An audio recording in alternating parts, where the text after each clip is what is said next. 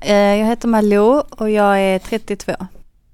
Jag kände alltid att det var något fel på mig så när jag var ungefär 14 så började jag röka hash och sen ja, eskalerade det och gick vidare till tills det blev riktigt illa och till slut så åkte jag till Brasilien för att min mamma bodde där och jag tänkte jag skulle bli ren men det gick inte så bra utan jag fick två barn istället och jag tänkte att jag, då åker jag till Sverige och blir ren där.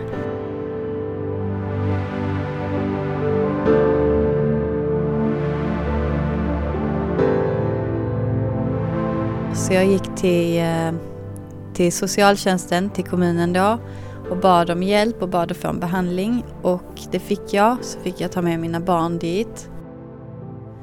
Och eh, när jag var där så kom polisen och hämtade mig för, att, för en gammal grej som jag blev häktad för. När jag kom ut från häktet så fick jag, jag blev dömd till eh, vad heter det, skyddstillsyn ett år. Och på frivården träffade jag en kvinna som berättade om Krami.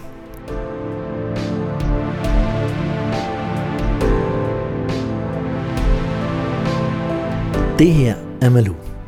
Hon har, som du nog kan höra, haft lite svårt ved att finna riktning i livet. Men en dag blev hun henvist til Krami i Malmø. På Krami i Malmø arbejdede de med vejledning. En vejledning, der så udgangspunkt i konsekvenspædagogik. Velkommen til episode 2 af Fra Vilje til Handling. Nå, men lad os komme tilbage til Malou. I et forsøg på at starte forfra er hun taget til Brasilien, hvor hendes mor bor. Men efter nogen tid vender Malou tilbage –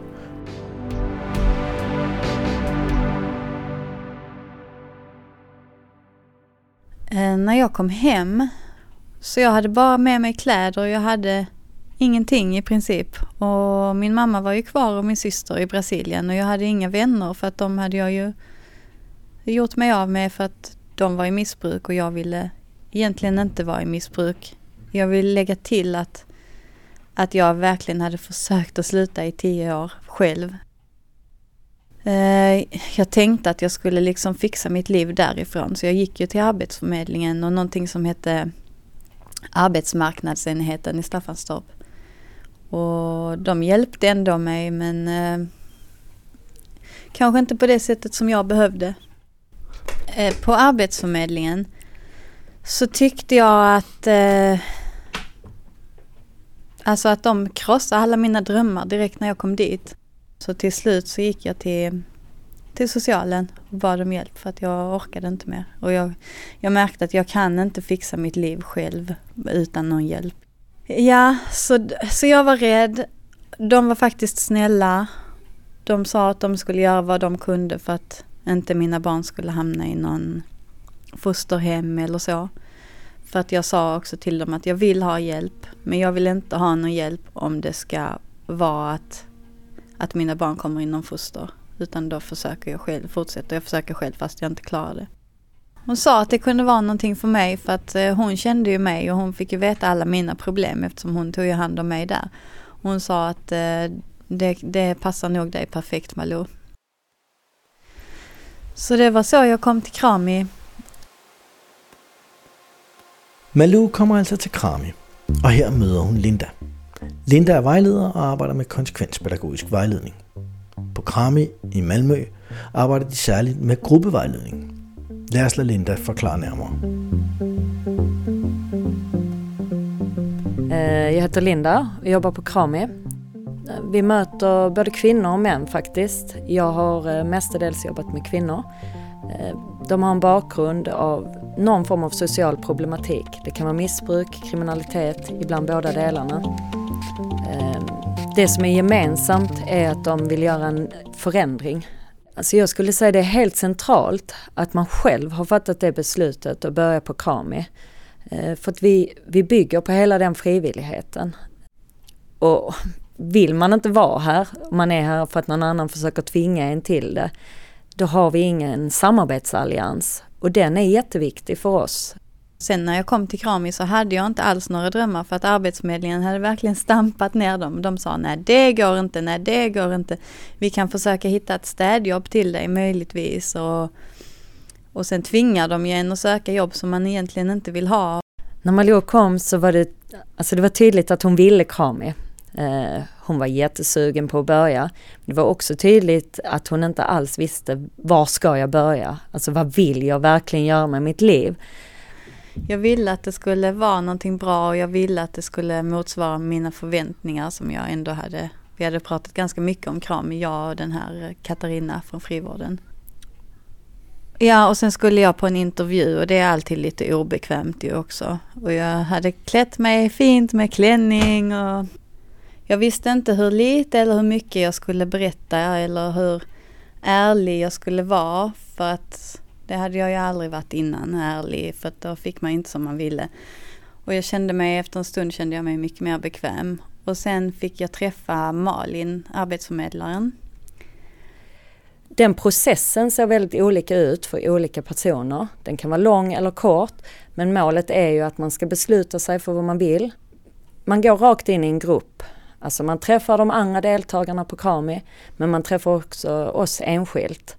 Så att det är hela tiden ett samspel mellan att vara i gruppvägledning eller kollektiv vägledning och att träffa oss eh, enskilt. När jag kom hit så hade jag inte tagna beslut förutom att jag skulle vara drogfri och att jag behövde ha ett jobb. Men jag hade liksom ingen tanke om vad jag ville göra eller som sagt Arbetsförmedlingen hade trampat på mina drömmar och så tillsammans så kom vi fram till det. De, de fick ur mig, eller de fick mig att, att börja tänka och börja tro på att man får ha en dröm. För att jag, jag trodde inte att en sån som jag fick ha några drömmar.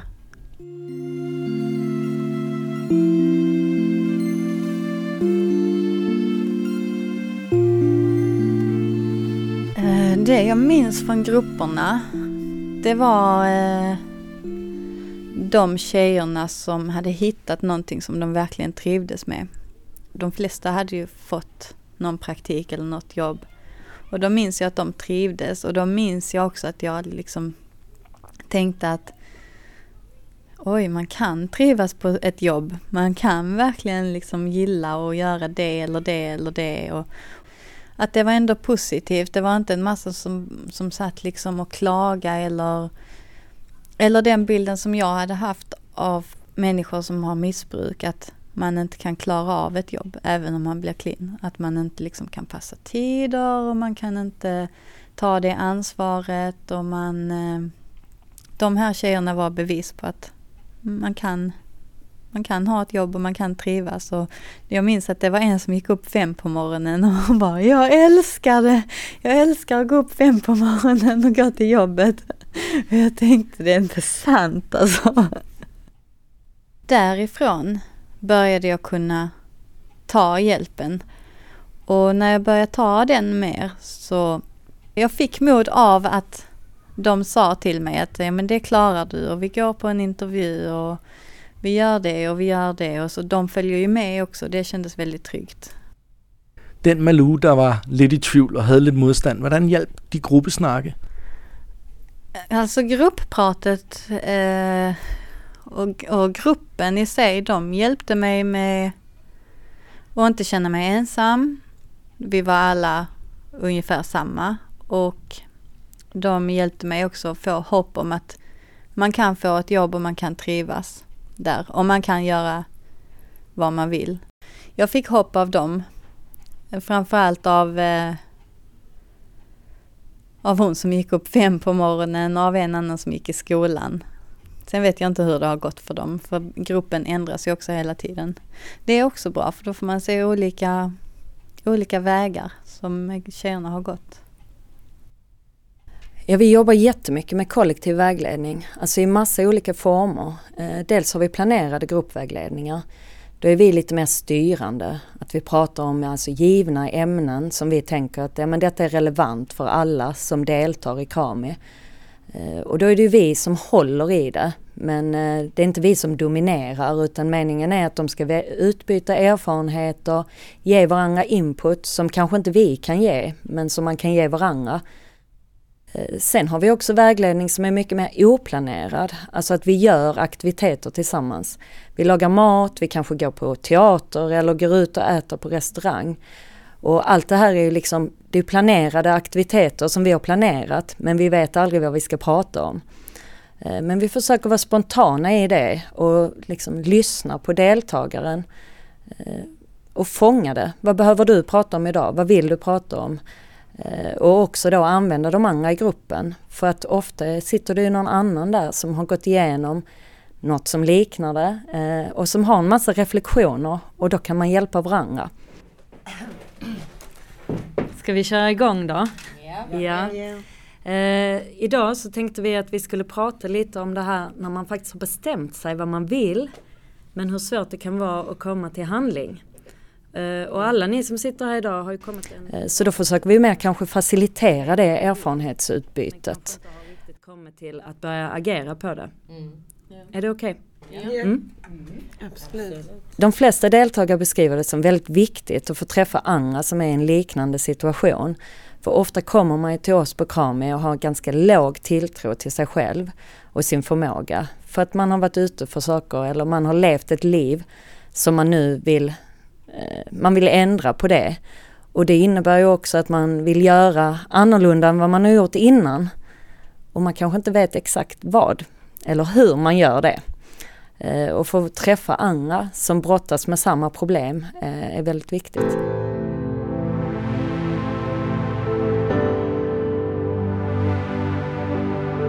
Jag gick en utbildning som var på 12 veckor.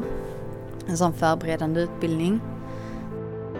Jag kände de äldres känslor och hur dåligt de mådde och jag fick inte prata med dem knappt och jag fick inte... Det kändes verkligen inte okej okay för mig. Jag tyckte inte det var... De var inte schyssta och det var inte enligt mina värderingar.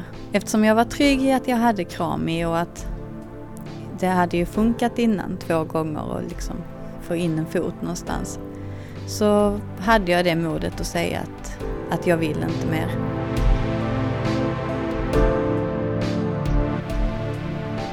Jag tänkte att jag behövde följa mitt hjärta faktiskt. Och jag, vid den tidpunkten i livet så hade jag hittat mig själv och vågat lyssna på min egen röst och där följer vi gärna med på den resan. Så länge man tar ansvar för det man har påbörjat och försöker fullfölja det så finns det alltid möjlighet att välja om. Och, den möjligheten använde Malou flera gånger innan hon hittade helt rätt. Eh, men då var jag ju stärkt av att jag hade lyssnat på mitt hjärta och av att Krami ändå hade stöttat mig igenom det och inte tvingat mig liksom att jobba kvar eller, eller så. Så att jag var stärkt av det och... Jag tänker att ett av våra mål är att folk ska komma i arbete. Men ett lika viktigt mål är att man ska behålla sitt arbete. Eh, och kommer man fram till att detta är inget för mig, det här arbetet ger mig möjligen en lön men inget annat, då kommer man inte behålla det arbetet. Så jag var där på praktik i fyra veckor och sen fick jag anställning och jag trivdes jättebra tyckte om det jättemycket. Det var verkligen kul allting. Jag hade, mådde jättebra av att gå till jobbet. Jag längtade till jobbet i början och ja, det var, det var verkligen ett jobb för mig. Så nu har jag varit där i tio månader tror jag. Nio eller tio månader. Det är en enorm förändring tänker jag. Eh, när Malou började på Krami så hade hon bestämt sig att jag vill börja på Krami. Eh, men hon hade inte bestämt sig vad hon ville göra.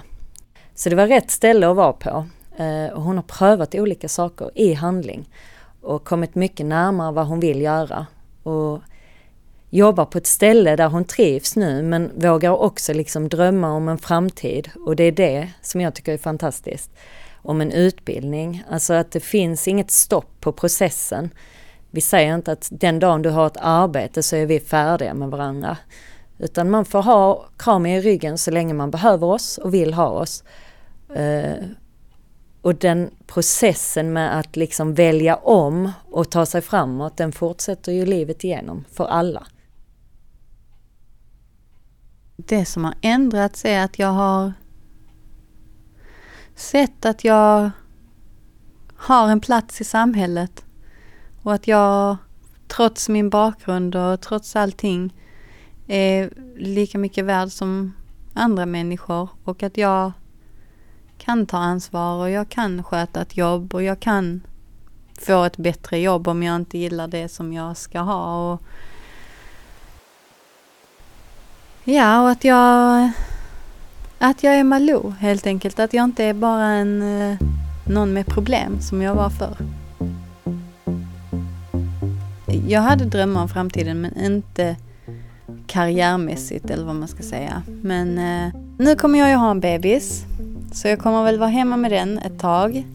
Och eh, under tiden ska jag plugga upp ett betyg som jag behöver ha för att söka till den utbildningen som jag, som jag vill. Och sen ska jag jobba på Krami.